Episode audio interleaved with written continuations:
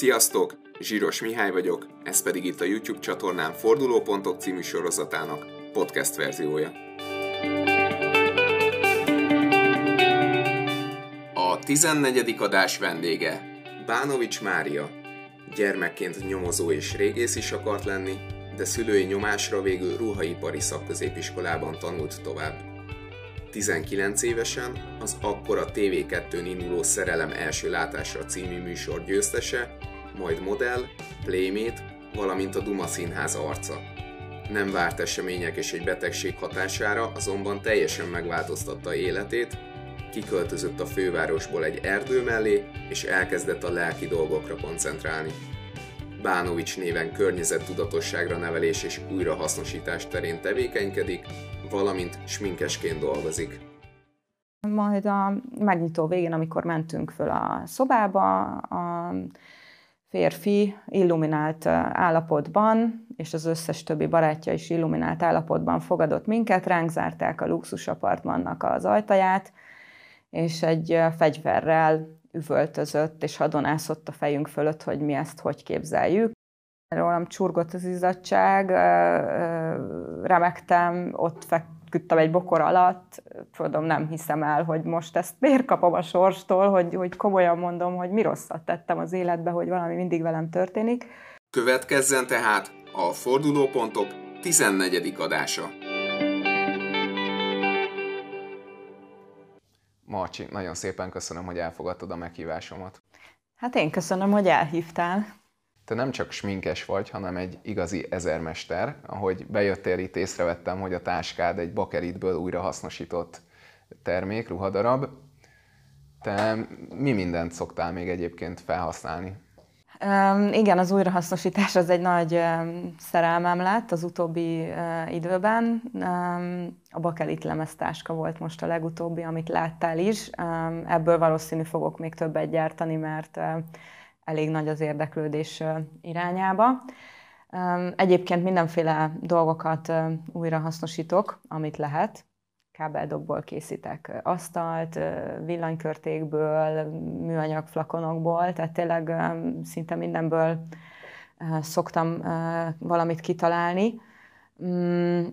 Elég nagy a tárháza sajnos ezeknek a dolgoknak, főleg a műanyagok elterjedése miatt. Úgyhogy egy picit ez is a célom ezzel az egésszel, hogy felhívjuk a figyelmet, hogy túl pazarló az emberek életmódja, túl sok dolog kerül a szemétbe, és hogy sok mindenből lehet olyan tárgyakat, dísztárgyakat, vagy akár funkcióval ellátott tárgyakat készíteni, amiket simán még a használatban tudunk alkalmazni. Te eredetileg is valami hasonlót tanultál, ugye? Hát varronő egyébként az eredeti szakmám, amit most például nagyon jól tudok ötvözni az újrahasznosítás kapcsán. A táskáknál ugye textillel ötvözöm, úgyhogy itt a varró tudományomra szükségem van, de egyébként például az okniból is készítettem babákat, meg több volt osztálytársnőm gyűjti nekem a maradékanyagokat, akik a szakmában tevékenykednek, és azokból terveim szerint majd textilfigurákat vagy textilbabákat fogok gyártani vagy eladásra, vagy csak workshopokra, vagy hátrányos helyzetű gyerek, gyerekeknek fogom el ajándékozni, majd még ez mind a jövő zenéje. Az anyagokat egyelőre gyűjtöm, és majd mindenből fog születni valami. Illetve azt gondolom, hogy ez a generáció az, akinek igazán fontos, hogy felhívjuk a figyelmét a, akár erre az újrahasznosításra is, és nagyon aranyos kis workshop keretében szerintem át lehetne nekik adni azt, hogy milyen fontos az, hogy ne szemeteljünk, vagy az, hogy szelektív gyűjtjük a szemetet akár. Na majd erről beszélgetünk még egy picit, viszont te tettél egy elég nagy kanyart ezelőtt, és először a tévében hívtad fel magadról a, magadra a figyelmet. Igen, az életem az mindenféle kanyarokkal tarkított. Szerepeltem a tévébe is, különböző műsorokban. Hogy ide hogy kerültem, már elég fiatalon suli mellett elkezdtem hosteszkedni, illetve statisztálni mindenféle tévéműsorokba, a barátok köztől elkezdve nagyon sok helyre jártam, és tulajdonképpen a zseppénzemet kerestem ezzel. És aztán úgy alakult, hogy meg is szerették a személyiségemet valószínű, illetve a modellkedés is bekapcsolódott az életembe, és ezek a tévéműsorok egy picit megsűrűsödtek egy időben, úgyhogy ennek köszönhetően egy picit nagyobb ismerettségre és kapcsolatokra tettem szert. Meg is nyerted az egyik tévéműsort, jól emlékszem? Igen, a Poker Stars-ban annak ellenére, hogy a műsor miatt tanultam meg pókerezni. És ahogy hallom, azóta nem is játszottál. igen, igen, igen, azt megnyertem. Lehet, hogy jól tudok blöffölni, nem tudom, vagy, vagy csak szerencsém volt, de például, hogy ne csak happy és boldog történeteket említsünk, szerepeltem a konyhafőnökben is, ahol viszonylag hamar kiestem, annak ellenére, hogy tudok főzni, illetve a vacsora csatában is, ahol szintén nem nyújtottam túl maradandó élményt, vagy legalábbis valakinek igen, de ott azon véreztem el, hogy vegetáriánus ételt főztem, és azt akkoriban még nagyon kevesen preferálták. Nem, nem értem el túl jó eredmény, de nem voltam csalódott, mert én nem vagyok egy túlzott versenyszellem, én inkább az élményért mentem az összes alkalommal, úgyhogy az, hogy megnyertem ezt a pókeres dolgot, az egy vicces fordulat volt, erre még én magam sem számítottam. Te modellként szerepeltél a Playboyban is. Ezt hogyan élted meg? Igen, egyébként ez is egy nagyon régi történet. Oda egy véletlen folytán kerültem be egyébként ebbe a versenysorozatba. Egy hosszú kapcsolatból szakítottam akkor, és egy barátnőmmel egy bulis éjszaka után láttuk a felhívást, és főleg az ő fejében ütött szöget, hogy el kéne menni, én pedig egy csöppet illuminált állapotban erre igent is mondtam, és aztán egy hét múlva a válogatáskor hát betartottam az ígéretemet, és elmentem, és aztán utána egyszer csak azt vettem észre, hogy bekerültem a legjobb 24-be, majd a legjobb 12-be. Ez egy elég érdekes élmény volt számomra, viszonylag későn, tehát én 24-25 éves lehettem, azt hiszem ekkor, ami már úgymond a modell pályán már nem annyira a legjobb kor. Ezt is egyébként egy nagyon jó kis kalandnak éltem meg, egyáltalán nem számítottam semmiféle helyezésre, vagy ilyesmi. Hát sokat tanultam, viszonylag naív voltam még akkor, bár én nem gondoltam volna magamról, de aztán rájöttem, hogy igen. Úgyhogy ez egy érdekes szelete volt az életemnek, de mostanában, vagy hát már nyilván nem mostanában, hanem nagyon régóta nem azt mondom, hogy eltemettem, de nem beszélek róla, mert akkoriban ért pár negatív élmény is ez kapcsán ezen gondolkodtam sokat, nekem meséltél pár mondatban erről, és, és gondolkodtam, hogy ezt hogyan lehet felvezetni, vagy hogyan lehet jól megkérdezni. Nem tudom, hogy van-e olyan, hogy jól. Tudsz már erről beszélni, vagy, vagy Persze, én ezt... Megosztod ezt, hogy mi történt pontosan? Hát igazából maga a verseny kapcsán nem mondanék semmi olyan negatívumot. Igazából csak annyi, ami nekem negatívumként jött le, hogy Kelemen Annának köszönhetően a plémétséget, aki ráadásul velem egy csapatban volt, sokan összekötötték az eszkort munkával, és én is elég sokszor, amikor ismeretlen társaságba mentem, vagy esetleg valakivel ismerkedtem volna, megkaptam ezt a kérdést, és eleinte nagyon felháborodtam ezen a kérdésen, és nagyon rosszul is esett, hogy hogy, hát, hogy gondolják ezt, de aztán természetesen józan paraszti észsel átgondolva nyilván, amit a tévéből látnak, vagy amit hallanak, vagy amit olvasnak, azzal esetleg beazonosíthatják a többi szereplőt is. Úgyhogy szépen lassan ezt így elengedtem, és nem vettem már személyes sértésnek, ha, ha ezt tőlem is megkérdezték. Tehát nem bélyegezzek meg senkit, mindenki tényleg azt csinál, amit szeretne, de mivel én ugye ezt nem csináltam, engem mindig rosszul érintett, hogyha engem is beazonosítottak ezzel. Hogyan zárult le a modellkarriered? Hát ezután a úgymond Playmate magazin és a Playboyos szereplés után nyilván megszaporodtak a felkérések, annak ellenére, hogy ugye, mint modell már említettem, hogy nem voltam ugye fiatal, úgyhogy elég sokat még utána, még legalább öt évet ebben a szakmában töltöttem. Ugyanúgy a hosteszkedést is megtartottam, tehát nagyon sokat jártam mindenféle kiállításokra, autóversenyekre, rendezvényekre, és ott is dolgoztam természetesen. De egy idő után elkezdtem ezt az egészet kevésnek érezni, hogy valahogy azt éreztem, hogy egy kis kirakat baba vagyok, és egy ilyen visszasztori alakult ki, hogy annak ellenére, hogy mindenkitől dicséretet kaptam a külsőmre, hogy milyen szép vagyok, és epekedtek utánam tulajdonképpen a férfiak, a nők pedig féltékenyen néztek legtöbbször, én mégis elkezdtem magamat alulértékelni, és rosszul érezni magam a bőrömbe, és elkezdtem eldugni a nőiességemet, elkezdtem barnára festeni a hajam, rövidre is vágattam egyébként 30 évesen a hajamat, amikor már ez tetőzött bennem ez az egész dolog.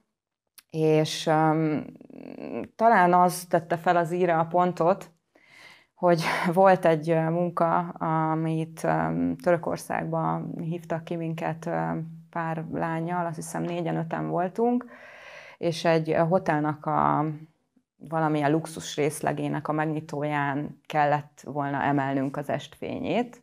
Hát ez volt a fedősztori, mint később kiderült, ugyanis a megrendelők ezt valahogy másképp képzelték el, és való igaz, hogy volt ott egy hotel, és nyílt ennek egy luxus részlege, és minket fel is vittek oda egy ilyen nagyon gyönyörű luxus apartmanba, de ahogy megérkeztünk lányok, és felvezettek minket az apartmanba, az úri emberek mondták, hogy a, akkor ez a szoba a tied, ez a tied, ez a tied, ez a tied, és ahogy mindannyian bementünk az egy-egy gyönyörű szobába, ott már egy valakinek a bőröngyét és a ruháját láttuk kipakolva, és hát úgy mindannyian kifordultunk a szobából vissza a lakosztály közepére, hogy akkor ez itt most mi.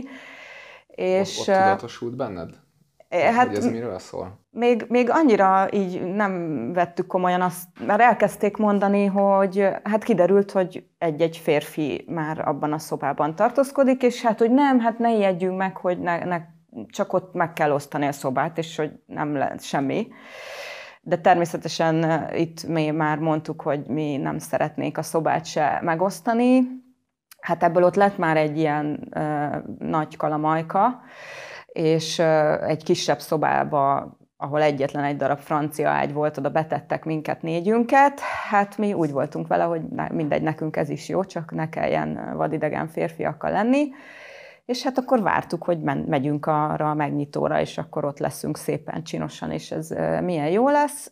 Majd a megnyitó végén, amikor mentünk föl a szobába, a férfi illuminált állapotban, és az összes többi barátja is illuminált állapotban fogadott minket, ránk zárták a luxusapartmannak az ajtaját, és egy fegyverrel üvöltözött és hadonászott a fejünk fölött, hogy mi ezt hogy képzeljük, és hogy mindenki most akkor azonnal ebbe meg ebbe a szobába menjen be aludni. Hát én nem vagyok egy félős lányzó, megmondom őszintén, de ott látszott a, a szemében valamiféle nagyon furcsa tűz. Egyébként szerintem nem csak alkohol, hanem droghatása alatt is állt az úriember. Ez az élmény, az időérzékemet amúgy teljesen elvesztettem, biztos, hogy vagy, vagy egy-két órán át ott üvöltözött, és, és a, az egyik lányt azt egyébként meg is verte, a hajánál fogva húzta, akit, a, a, akivel ő már talán egyszer valahol dolgozott, vagy valahol, tehát őt már ő ismerte. Úgyhogy ez tényleg nagyon borzasztó volt, aztán végül is nagy nehezen lecsillapodott, egy ilyen két órás üvöltözés és tombolás tör, törzúzott ott, és akkor megengedte, hogy elmenjünk lefeküdni, és hát a lányokkal remegve voltunk ott a szobában, és még nekünk ez kettő este ott kellett volna maradni, és én mondtam nekik, hogy holnap reggel az első dolgunk lesz, hogy, hogy akkor szólunk, hogy tegyék át a repülőjegyünket, és menjünk haza, mert még egy este nem biztos, hogy ilyen, ilyen egyszerűen meg fogjuk úszni. Úgyhogy ez nagyon drámai volt, és ez végül is sikerült. Az úriember egyébként másnap a reggelinél, ott a luxus apartmanban, a reggelinél úgy ült, mintha mi sem történt volna, boldog volt, holott a lány ott ült monokliba és mi pedig egyikünk se tudott egy falatot se lecsúsztatni a száján, csak imitáltuk az evést, nagyon rosszul éreztük magunkat, és végül is az egyik barátjával tudtuk megbeszélni, hogy aki úgy értelmesebbnek látszott, hogy mi inkább lemondunk a díjunkról, amit most itt kaptunk volna, és nyugodtan hívjanak olyan lányokat, akik az ő igényüket ki tudják elégíteni ebből a pénzből, tehát hogy őket ne érje vesztesség, ne gondolják azt, nem tudjuk, hogy itt most kiértett félre és mit, itthon az ügynökség, vagy, vagy hogy, hogy mi történt. Úgyhogy ez, a, ez az ominózus dolog rávilágított arra, hogy nagyon már nem az utamon vagyok. Egyébként is már évek óta éreztem, hogy váltani kell, és hát ezt feltette az íra a pontot, igen. De mondják, hogy olyan a sors, hogy addig, amíg te nem veszed észre, addig egyre durvább dolgokat fog majd az öletbe pottyantani, amíg nem teszed meg. Tehát amíg csak tudod, hogy váltanod kell, de nem váltasz, akkor egyre durvább jelekkel fogja tudatni számodra, és ez már egy olyan durva jel volt, hogy ez, ez mellett már nem lehetett elmenni, úgyhogy, úgyhogy itt volt az, hogy kiköltöztem egy erdő szélére Magyaródra, telefonszámot cseréltem, és um, elmentem egy irodába dolgozni. A végén azt mondtad, hogy ilyen egy, egyszerűen, de ilyenkor egyáltalán mi átszódott le a fejedben, a fejetekben, hogy megpróbáltátok ezt az embert lecsillapítani, Igen. vagy megpróbáltatok ebből a szobából kimenekülni, vagy felhívni valakit, vagy mit, mit tehet ilyenkor egyáltalán egy, egy fiatal nő?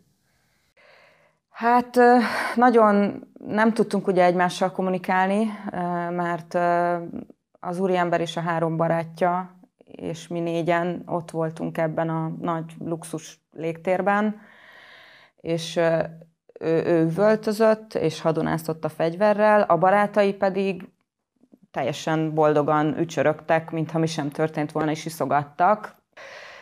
Én, én csak próbáltam meghúzni magam, meg se szólalni. Az a lány, aki ismerte őt, ő próbálta csitítgatni, és én igazából csak végig fohászkodtam ahhoz, hogy hát ebből a helyzetből valahogy kerüljünk ki, és aztán utána azonnal az egészet befejezem úgy, ahogy van. És próbáltam nyugodtnak mutatkozni, tehát hogy nem összeomlani, hogy a többi lány is lássa, mert volt, aki nagyon be volt pánikolva aztán utána már éreztem rajta, hogy egy picit csillapodik, akkor én is egy picit kezdtem megnyugodni, hogy, hogy ki fogunk tudni ebből jönni. Ez csak egy nagyon jó kis tanulópénz volt, és hát féltem is a mai, mai lányokat, hogy ők is vigyázzanak magukra, hogy csak ellenőrzött munkákra menjenek ki, mert szerintem a mai világ még talán rosszabb is, mint amilyenk volt tíz évvel ezelőtt. Te erről az esetről beszéltél utána a közvetítőnek, az ügynökségnek, vagy ezt, ezt magadban próbáltad feldolgozni? Hát természetesen azonnal, ahogy másnap reggel nekünk lehetőségünk volt, a közvetítőnek, ugyanis egy, egy, egy lányon keresztül jutottunk el ehhez a munkához mert ez egy elég kis kör volt akkoriban, és nagyon sokszor úgy jöttek a munkák, hogy az egyik modellány hívta a másikat. Úgyhogy, úgyhogy én akkor szembesültem ezzel, hogy ez milyen veszélyes is tud lenni, hogy tulajdonképpen itt vagyunk Törökországban, egy órára a repülőtértől, egy pici kis városban, alig tud róla pár ember, hogy én most hol vagyok, és kivel vagyok, és mi van. De természetesen a szüleim nem tudnak erről, úgyhogy majd anyu, ha ezt a videót megnézi, akkor majd előtte lecsillapítom. Nyilván nem akartam őket terhelni, hogy milyen veszélynek voltam kitéve, meg utólag meg már teljesen felesleges ilyenekkel idegesíteni őket. Ahogy említetted, lecserélted a telefonszámodat, elköltöztél egy erdő mellé. Csend volt az, ami hiányzott, ezt magadban szeretted volna elrendezni, vagy volt esetleg akivel tudtál erről beszélni, vagy felkerestél-e pszichológust, vagy bármilyen más terapeutát? Erre a váltásra a lelkemnek szüksége volt. Szükségem volt arra, hogy azokból a felszínes kapcsolatokból és azokból a felszínes barátságokból, ahol egymás szemébe esetleg mosolygunk, de a háta mögött kibeszéljük a másikat, mert ugye nagyon sok ilyennel is találkoztam, nagyon sokat csalódtam akkoriban az emberekben, tehát egyáltalán nem jó irányba ment az önbizalmam se. Úgyhogy annak teljesen szüksége volt arra, igen, hogy, hogy egy picit egyedül legyek, elgondolkozzam az egész életemen, elgondolkozzam azon, hogy hova szeretnék eljutni, mit szeretnék elérni, vagy egyáltalán ki vagyok, mi vagyok, miért vagyok itt. Nagyon kerestem önmagamat akkoriban, de egyébként, ha már a drámánál tartunk, itt még nem ért véget életem drámája, mert utána még kaptam még egy jó nagy pofont a sorstól, mert amikor Magyaródra kiköltöztem, és akkor voltam 30 éves, még jött egy lehetőség a Törökország után, egy India. És akkoriban szintén egy modelllány, aki volt már ott kint, mesélt nekem az indiai kalandjairól, hogy mennyire szuper volt, és én úgy gondoltam, hogy a joga onnan indul, és a vegetáriánus ételek, és India, és úristen, ez mennyire jó. És jött egy lehetőség, hogy kimehetnék egy ottani ügynökséghez, és kiemelt statisztaként, főleg, illetve modellként dolgozhatnék filmekbe. És én ezt egy nagyon jó lehetőségnek gondoltam zárásként az egész...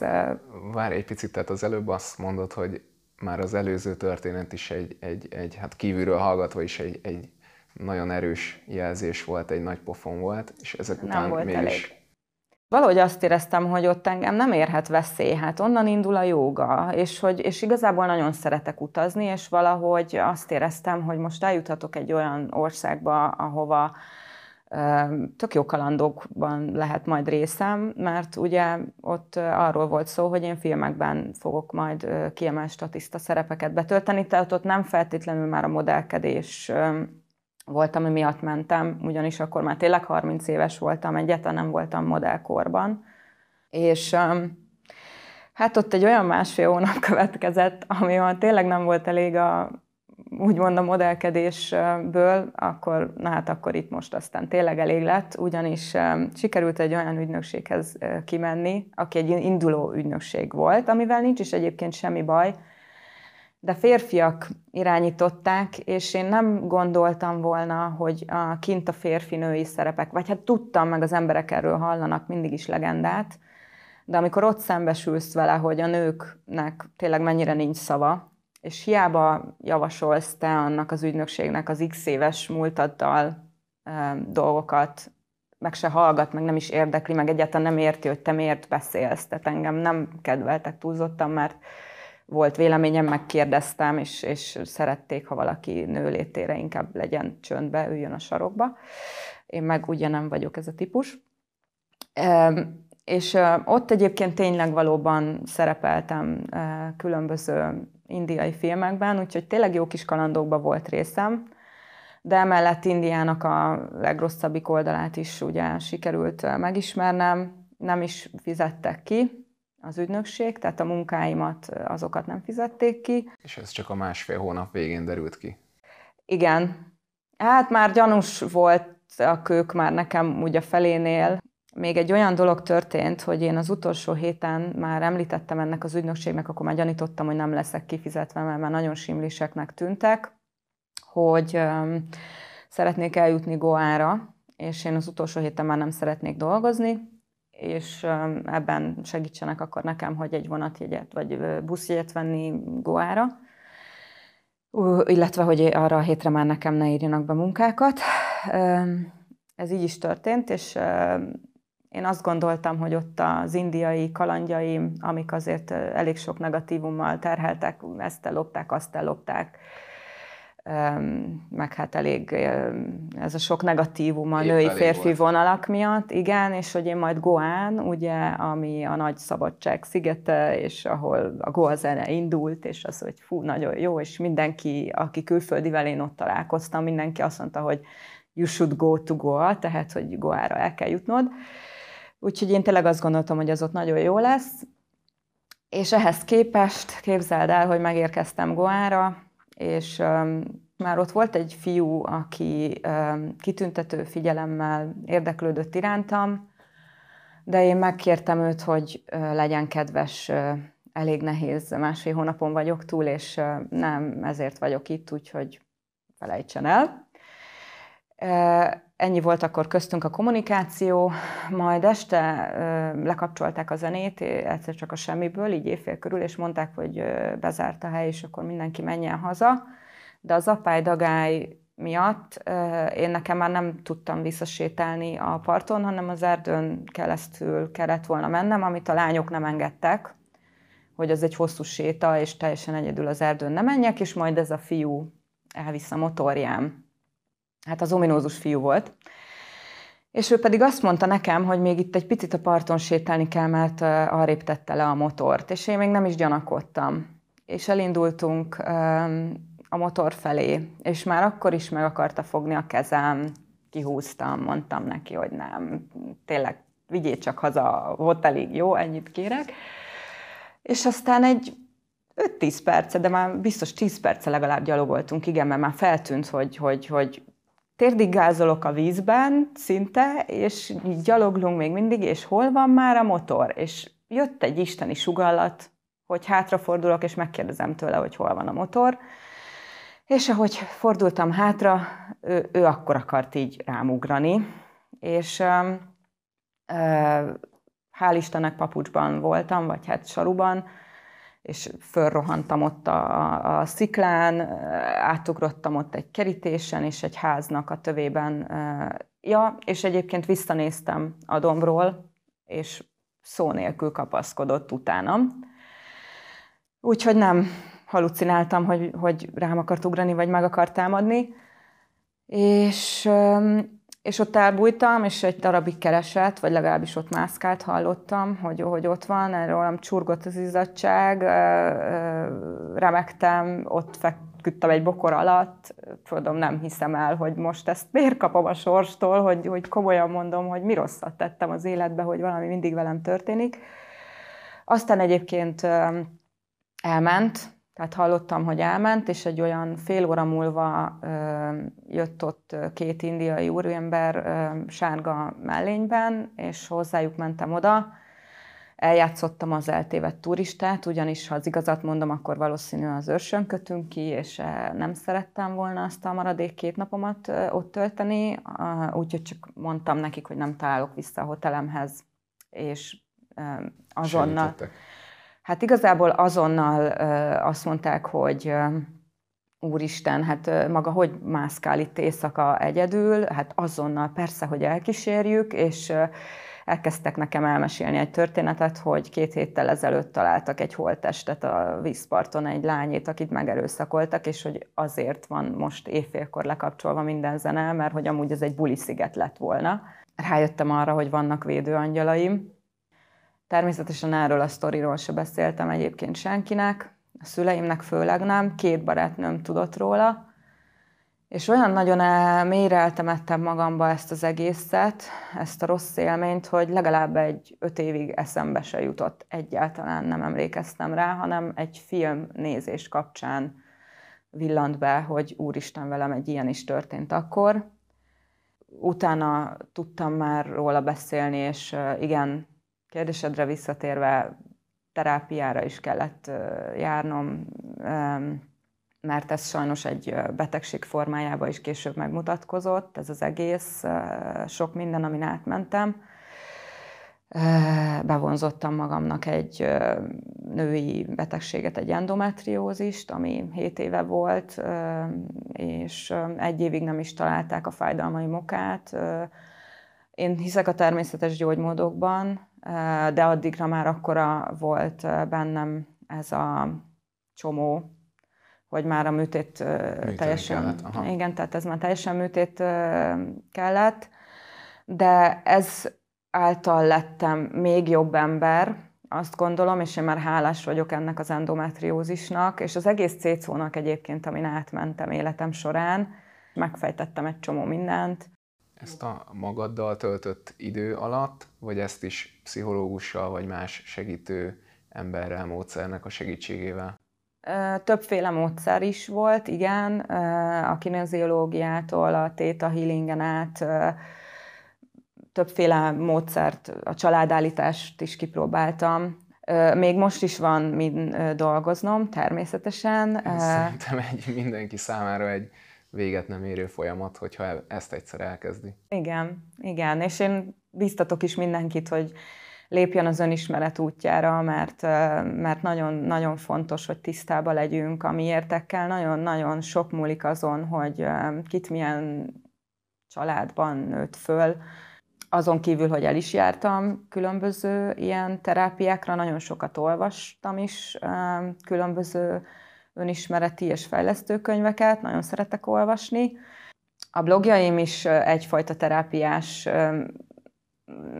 nem célzattal, de nem azért írtam, hogy nekem az terápia legyen, de mindig azt vettem észre, hogy ha valamit kiírok magamból, akkor, akkor sokkal jobb illetve most visszatekintve ugye a régi bejegyzéseimre már nagyon jókat szoktam kacagni, és, és egyébként az írás is terápia tulajdonképpen, úgyhogy az én bakancslistámon egy, egy könyvírása is szerepel, majd ha lesz hozzá elég önbizalmam, vagy majd ha tényleg elhiszem, hogy képes vagyok egy szuper jó könyvet megírni, ami érdekelni fog annyi embert, hogy akár ki is adhassák, vagy e-book formájában megjelenhessen, akkor majd lehet, hogy lesz egy könyvem is. Marcsi, és mi a következő projekt? Mindenképpen szeretnék a sminkelésben tovább tevékenykedni, ugyanis nagyon jól érzem magam, és most már meg is találtam az utamat, hogy a sminkelésen belül melyik az a szegmens, ami engem igazán érdekel a dokumentumfilmeket nagyon szeretem, illetve a reklámfilmek, kisebb forgatások, tehát én főleg ezekben gondolkozom, de ha mondjuk felkérnek, hogy Brad Pittet púderezzem, akkor nem, nem, fogok, el, nem fogok ellenállni.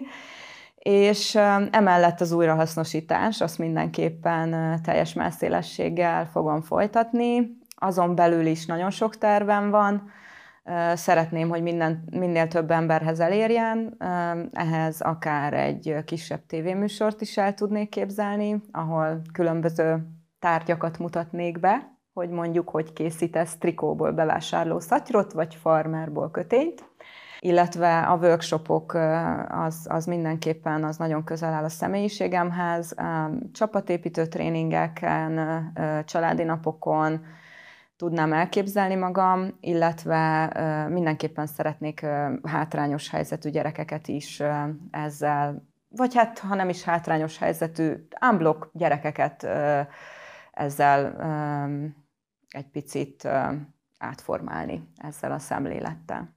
Nagyon hálás vagyok, hogy, hogy nem csak hogy eljöttél, hanem hogy ezt mind meg is osztottad.